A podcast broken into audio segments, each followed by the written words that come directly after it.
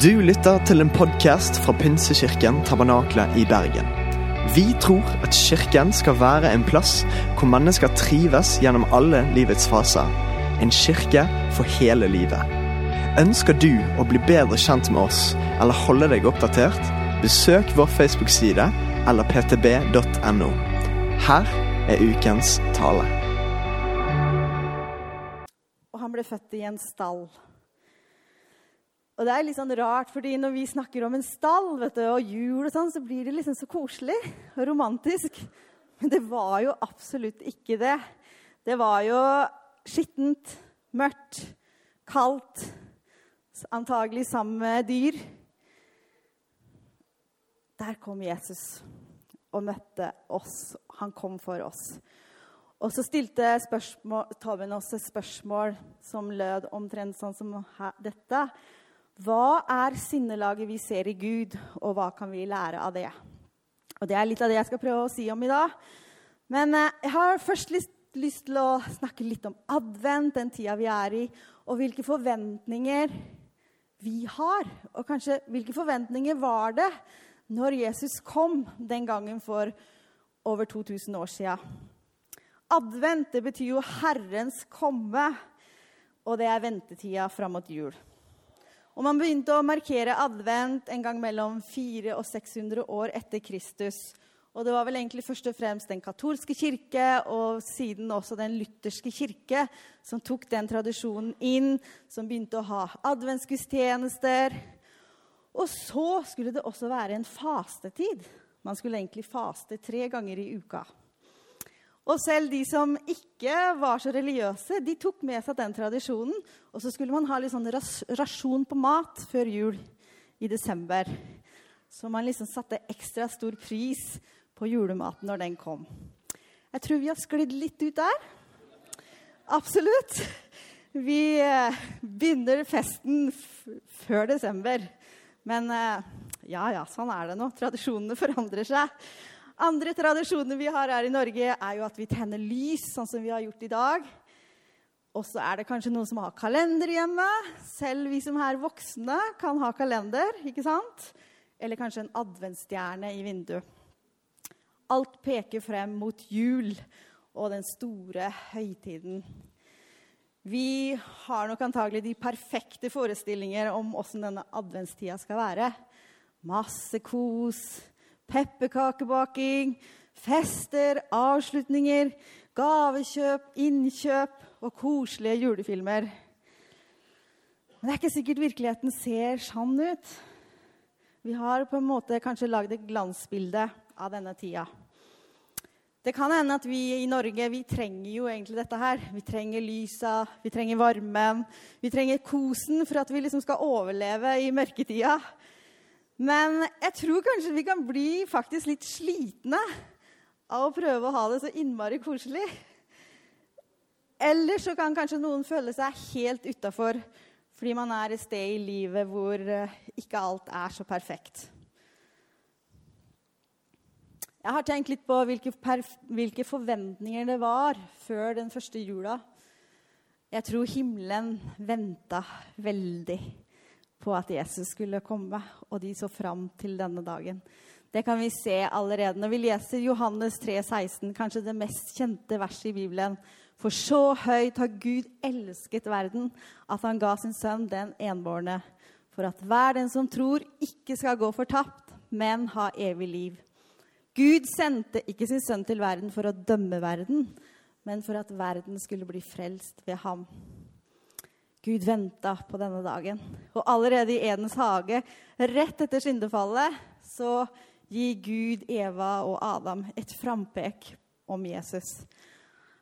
Han sier i 1. Mosebok 3,15, sier til slangen, eller djevelen, jeg vil sette fiendskap mellom deg og kvinnen, mellom din ett og hennes ett.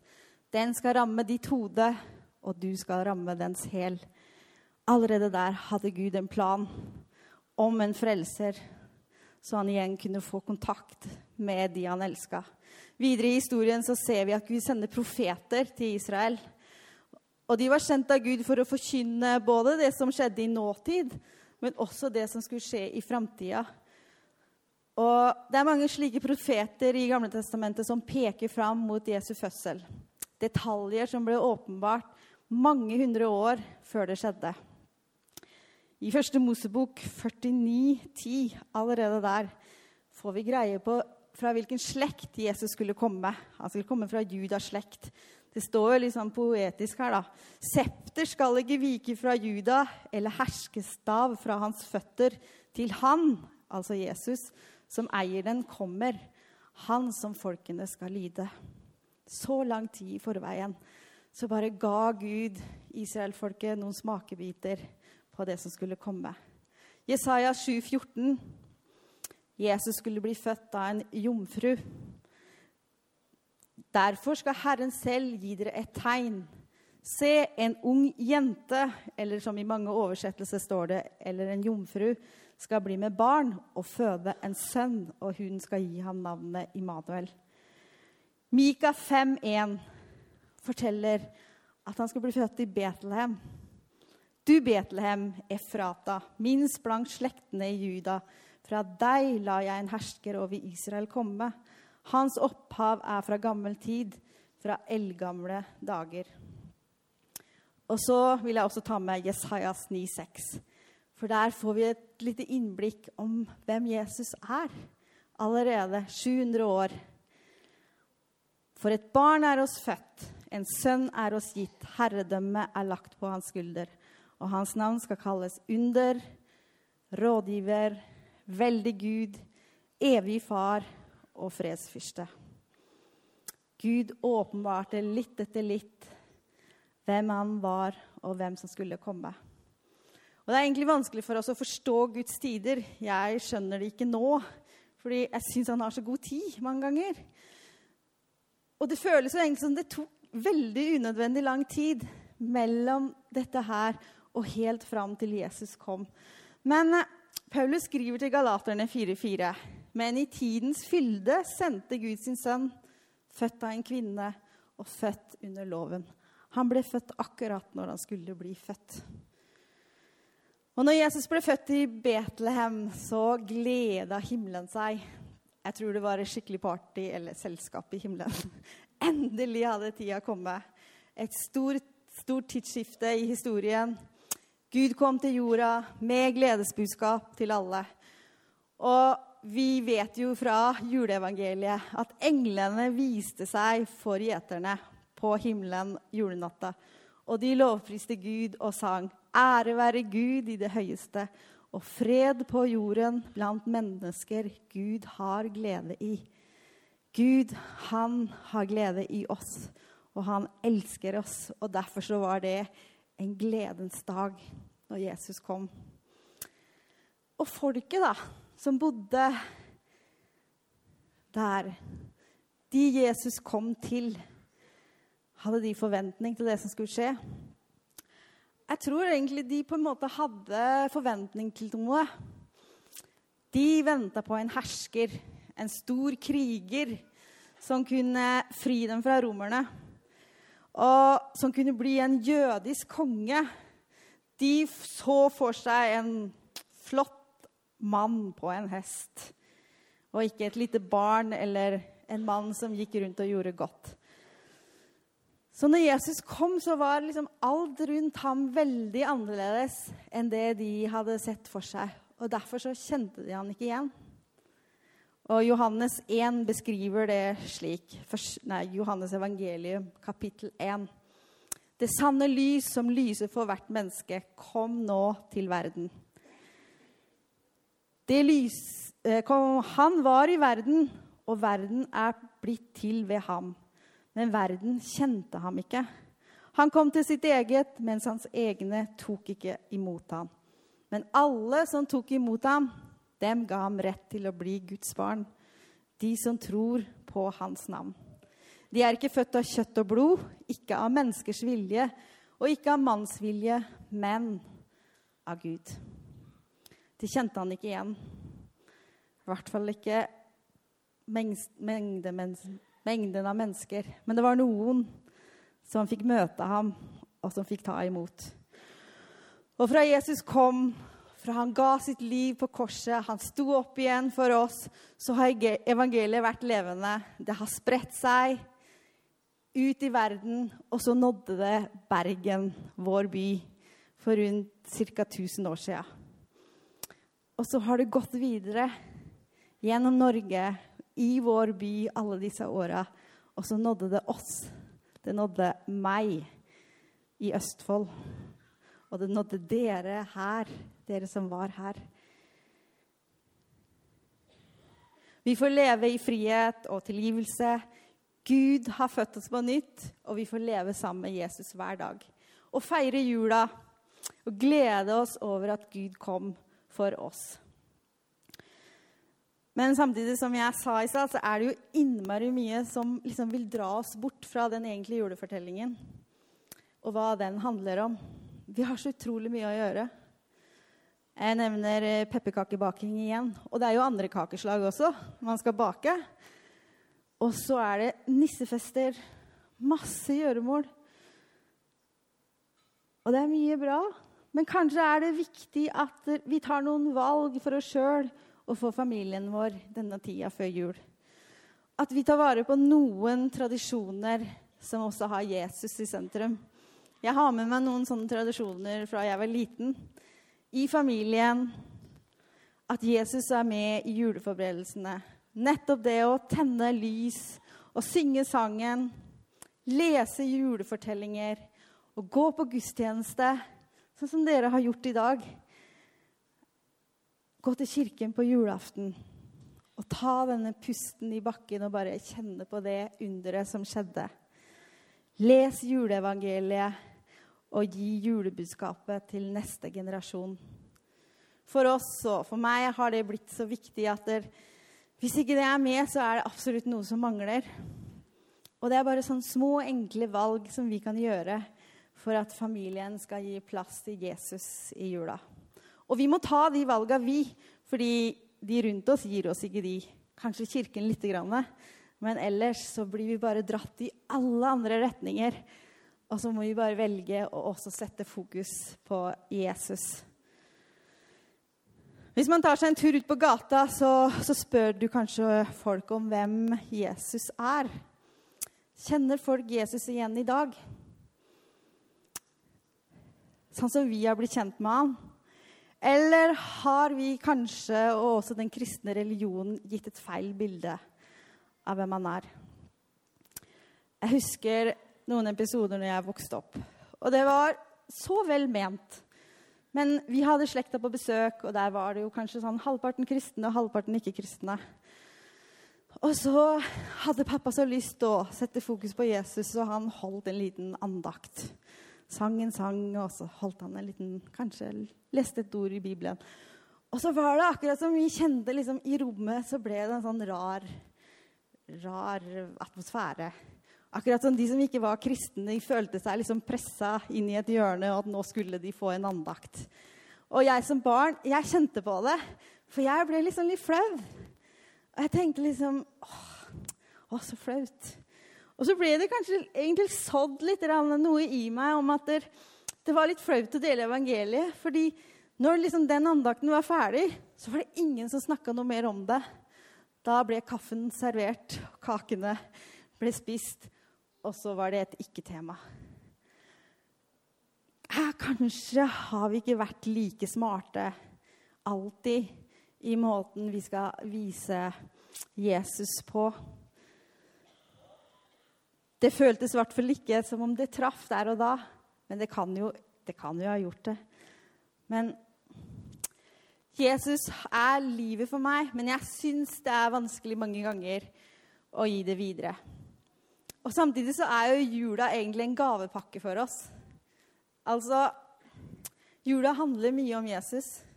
Det er ikke sikkert man snakker så mye om Jesus, men konserthus og kirker fylles opp gang på gang med alle mulige slags mennesker.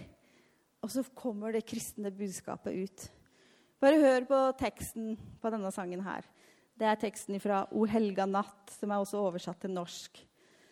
Da gudemennesket til jorden steg ned for å forsone alle våre synder og lide dødens smerter i vårt sted. Og så går det videre. O helge, hellige natt, som kom med nåde til vår sjel. Og litt lenger ned i teksten Menneskesønnen løste våre lenker. Det er en utrolig tekst. Rebekka, dattera vår, hun jobber i et firma, og nå har de skjønt at hun synger, så de vil alltid at hun skal synge på julebordet. Og akkurat denne sangen her var det de ønska at hun skulle synge nå for noen dager sia på julebordet. Hun følte det helt rart å stå der og synge den kraftige teksten. Og det er så mange lignende sanger. Du hører om Jesus på radioen nesten ja, hver dag hvis du hører på radioen.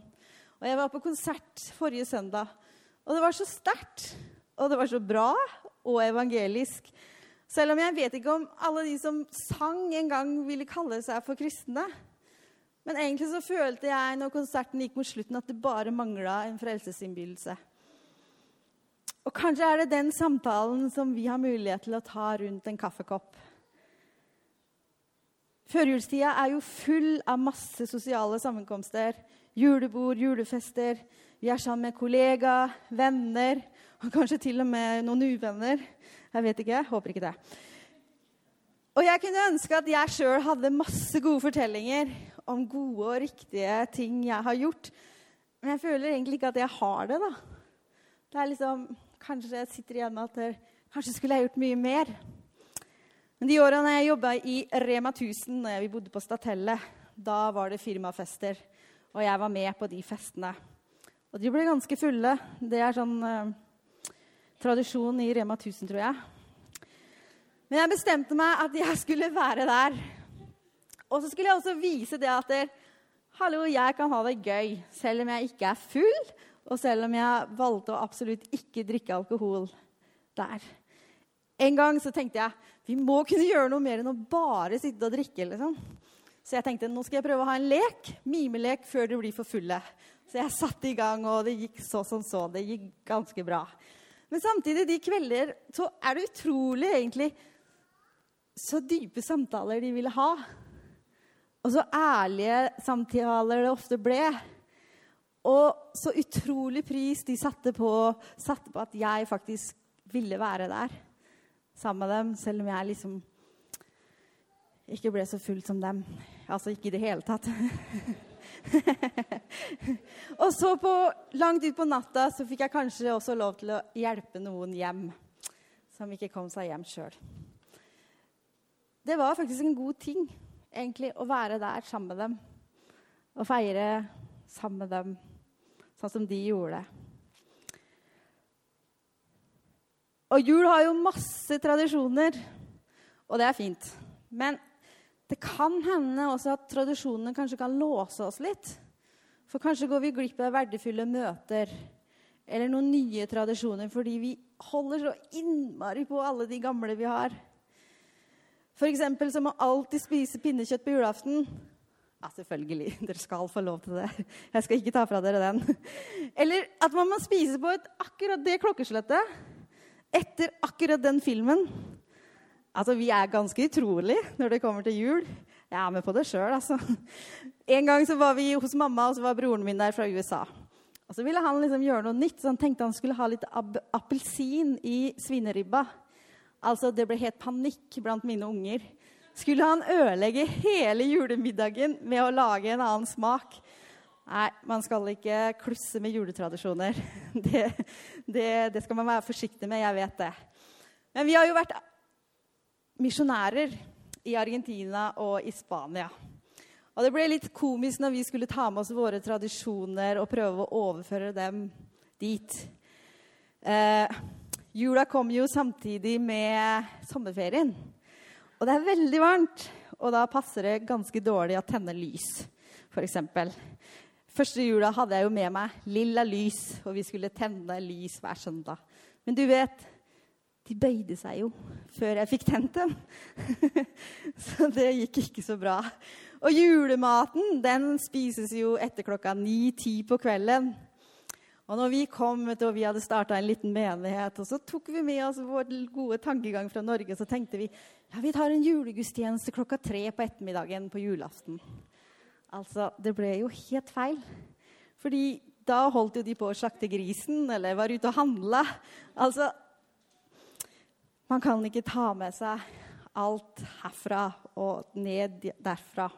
Og Derfor har jeg også kunnet oppleve kanskje tre spesielle jul, er juler, kan man si det, som var annerledes enn mine tradisjonelle her hjemme. Den første var i Bolivia. Jeg var på team sammen med tre andre jenter. Og vi feira det i barnelandsbyen i Cochabamba. Og der fikk vi lov til å være med fra hus til hus og se at barna fikk hver sin gave. De fikk god mat, de fikk til og med is. Og de var så glad, og de var så lykkelige. Og, og det gjorde utrolig inntrykk på meg den gangen. Og det ga liksom jula litt perspektiv. Og så ble vi bedt av seint på kvelden hjem til en boliviansk familie og fikk feire der til langt på natt sammen med de. De tok oss hjem til seg. Og jeg husker at Vi hadde liksom grudd oss for den jula på forkant, for vi skulle være langt hjemmefra og helt alene. og hvordan skulle dette bli? Og så endte det opp med å kanskje bli den beste jula jeg hadde hatt til da. Og senere så var vi misjonærer i Argentina. Første året alene. Julefeiring. Det var når lilla lyset hadde bøyd seg. Og så kom vi til julaften. Vi bodde på en liten hybel hos et svensk, gammelt ektepar. Og så inviterer de oss inn på julaften. Og da ble det sånn svensk tradisjon, så det ble mat midt på dagen med noen sånn skinker og litt forskjellig. Og når julekvelden kom, så var det julegrøt. Det var ganske langt fra ribba. Men samtidig hadde bedt inn fire andre danske ungdommer også, som vi ikke kjente i det hele tatt. Og det er utrolig. Den kvelden den ble bare veldig bra. Jeg har bare gode minner fra den kvelden, enda så annerledes han var. Og så har vi jo etter det prøvd å virkelig holde på tradisjonene, fordi barna våre syntes at det var viktig. Det var liksom, De måtte ha noe norsk og noe ordentlig jul. Så selv om vi var i Argentina eller Spania, så gjorde vi det. Men mange år senere så hadde vi starta en liten menighet i Alfaz del Pi. Og der var det en familie fra Ecuador som hadde begynt å komme. Og de hadde ikke familie i Spania og ikke så mange venner heller. Så spør de oss da rett før jul om vi hadde lyst til å feire jul hjemme hos dem. Ah, jeg hadde ikke så veldig lyst til det. Kanskje ingen hadde så veldig lyst til det egentlig, for da fikk vi det ikke som vi ville. Men så hadde vi heller ikke hjerte til å si nei. Så vi måtte gjøre om på hele den jula. Julemiddagen som vi ville ha, den måtte vi ha på lille julaften. Og så gikk vi i kirke på julaften, pakka og gaver opp med det samme vi kom hjem. Og ut på kvelden så dro vi til denne familien fra Ecuador. Og de hadde sin tradisjon som vi fikk være med og delta i. Vi fikk kakao og julekake når vi kom på kvelden. og Venta lenge på maten, og den kom ut på natta en gang. Deilig lam. Ungene var så trøtte. Men samtidig så Det ble en veldig annerledes jul. Men så var det liksom akkurat som både ungene også skjønte at vi hadde gjort noe riktig det året. Og viktig. Fordi vi kanskje hadde satt oss sjøl litt til side. Og så hadde vi valgt å feire sammen med denne familien fra Ecuador. Jeg mener absolutt ikke at du skal eh, kutte ut dine tradisjoner.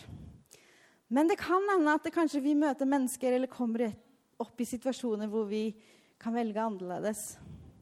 Jesus er et fantastisk eksempel. I evangeliene så ser vi og vi kan lese hvordan han møtte enkeltpersoner og brydde seg. Han hadde ikke bare store møter, han hadde enkeltmøter. Han spiste med dem, han samtalte med dem. Han møtte mennesker akkurat der de var, og møtte deres behov. Han møtte kriminelle menn, prostituerte kvinner, rike og fattige. F.eks. Sakkeus. Han hadde ikke noe godt rykte, akkurat, og Jesus ønsket å være med han hjem allikevel. Vi kan lese det i Lukas 19. Han kom inn i Jeriko og dro gjennom byen. Der var det en mann som het Sakkeus. Han var overtåler og svært rik. Han ville gjerne se hvem Jesus var, men han kunne ikke komme til for folkemengden for han var så liten av vekst. Da løp han i forveien og klatret opp i et morbærtre for å se ham på et sted hvor han måtte komme forbi. Og da Jesus kom dit, så han opp og sa til ham, 'Sakkeus, Skynd deg, kom ned, for i dag vil jeg ta inn hos deg. Eller jeg vil være med deg hjem.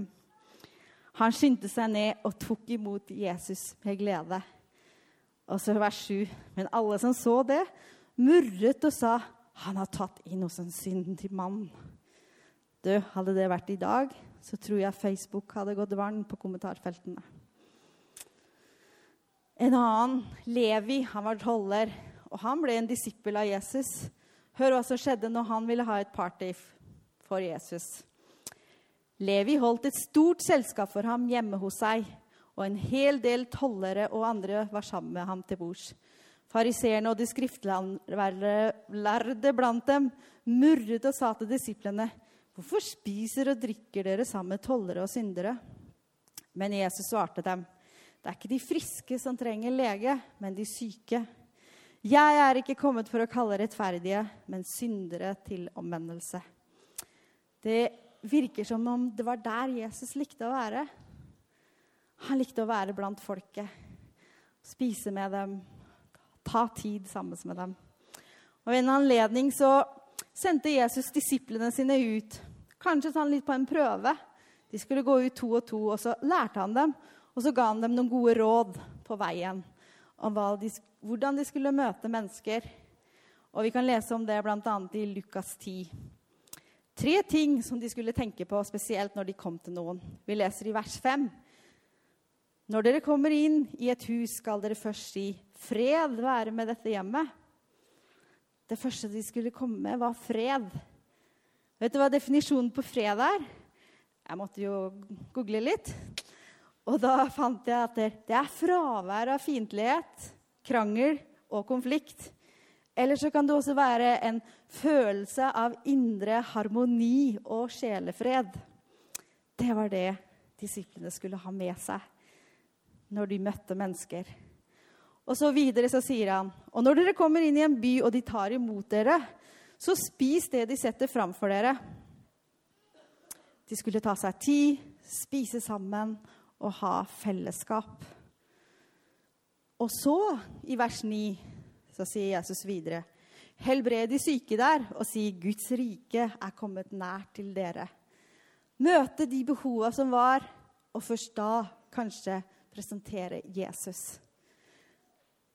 Vi er utsendt der hvor vi er. Der vi bor, der vi jobber, i familien, blant slektninger. Og hvordan kan dette se ut for oss?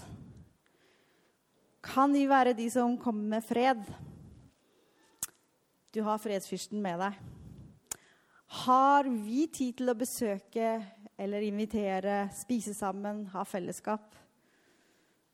Tør vi å tilby til forbønn, eller tør vi å liksom si om vi skal be for noen når det er behov?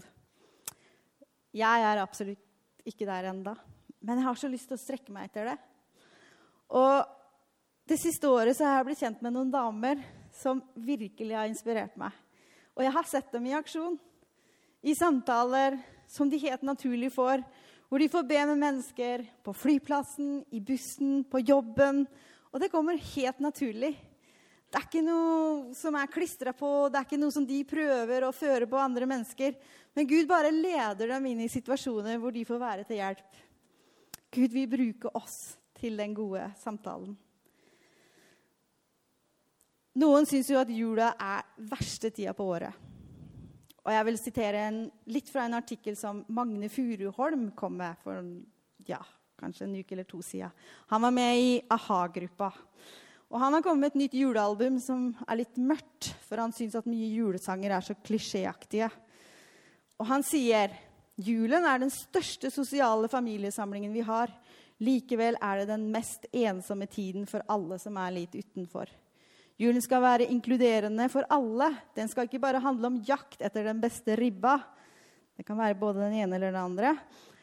Og de hardeste pakkene Nei, vi må stoppe opp og tenke på noe annet. Det var Magne sine ord. Hvordan kan vi være en forskjell? Kanskje benytte oss av tiden og mulighetene. Dere, vi har Jesus på innsida. Vi har Guds ånd ånd som er i oss, kan vise seg i oss på forskjellige måten, måter. Galaterne 5 viser hvordan åndens frukter er. Som er kjærlighet, glede, fred, overbærenhet, vennlighet, trofasthet, ydmykhet og selvbeherskelse. Og alle de tinga her de trenger vi i møte med mennesker. Du vet at Familiesammenkomster kan ofte være veldig utfordrende. Du velger jo vennene dine, men ikke familien din. Og i jula så skal man jo ofte være sammen. Men det er ikke alltid det er så lett. Og det er ikke alltid det man vil. For det er ikke alltid at det er så godt i familiene. Og da trenger vi disse fruktene i livet vårt. Der det er bitterhet, så kan vi komme med kjærlighet. Der det er misnøye og dårlig stemning, kan vi komme med glede. Der det er strid, så kan vi komme med fred. Og jeg tror kanskje du sitter her hvis du er i en vanskelig familiesituasjon, og så tenker du OK, det er lett for deg å si. Og det er det. Kanskje for meg. Fordi jeg vet at det, vonde familiekonflikter kan gå i generasjoner. Men jeg tror allikevel at vi som kjenner Jesus, vi har et par sterke våpen. Og det er kjærlighet og tilgivelse. Kanskje er det situasjoner hvor personer ikke fortjener verken å få tilgivelse eller å bli elska. Men allikevel så kan vi elske fordi Gud elska oss først. Johannes 1,11 sier, 'Mine kjære, har Gud elsket oss slik, da skylder også vi å elske hverandre.' Og så kan vi også tilgi fordi Gud tilga oss først. Kolosserne 1,14. I ham er vi kjøpt fri og har fått tilgivelse for syndene. Det kan hende følelsene dine stritter helt imot, men Gud vil hjelpe deg. Og kjærligheten er det som smelter hårde hjerter. Siste verset som jeg vil dele, 1. Tessalonikerne 3,12. Og må Herren la kjærligheten dere har til hverandre og til alle mennesker, få vokse seg rik og stor, slik, slik, som vår kjærlighet til dere. Vi kan be Gud om hjelp til å elske, og til at kjærligheten i oss kan vokse. Og Jeg har lyst til å sitere Thomas Netland helt til slutt. To setninger som sier så mye. Han, jeg var på Yes Oslo-fest, og den setningen bare satte seg i meg. Vi er ikke kalt til å frelse, men vi er kalt til å elske. Vi kan ikke vite når de rundt oss skal bli frelst, eller om de i hele tatt vil ha noe med Jesus å gjøre. Det er Gud som frelser, og som virker på mennesker, men vi kan elske dem. Og så sier han også en annen ting. Jesus kom ikke for en religion, men for en relasjon. Så ikke diskuter religion. Det kommer vi ingen vei med. Men fortell om ditt liv sammen med Jesus. Din relasjon med ham. Det personlige vitnesbyrdet som vi har snakka om så mye i høst. Det er det kraftig. Skal vi stå opp?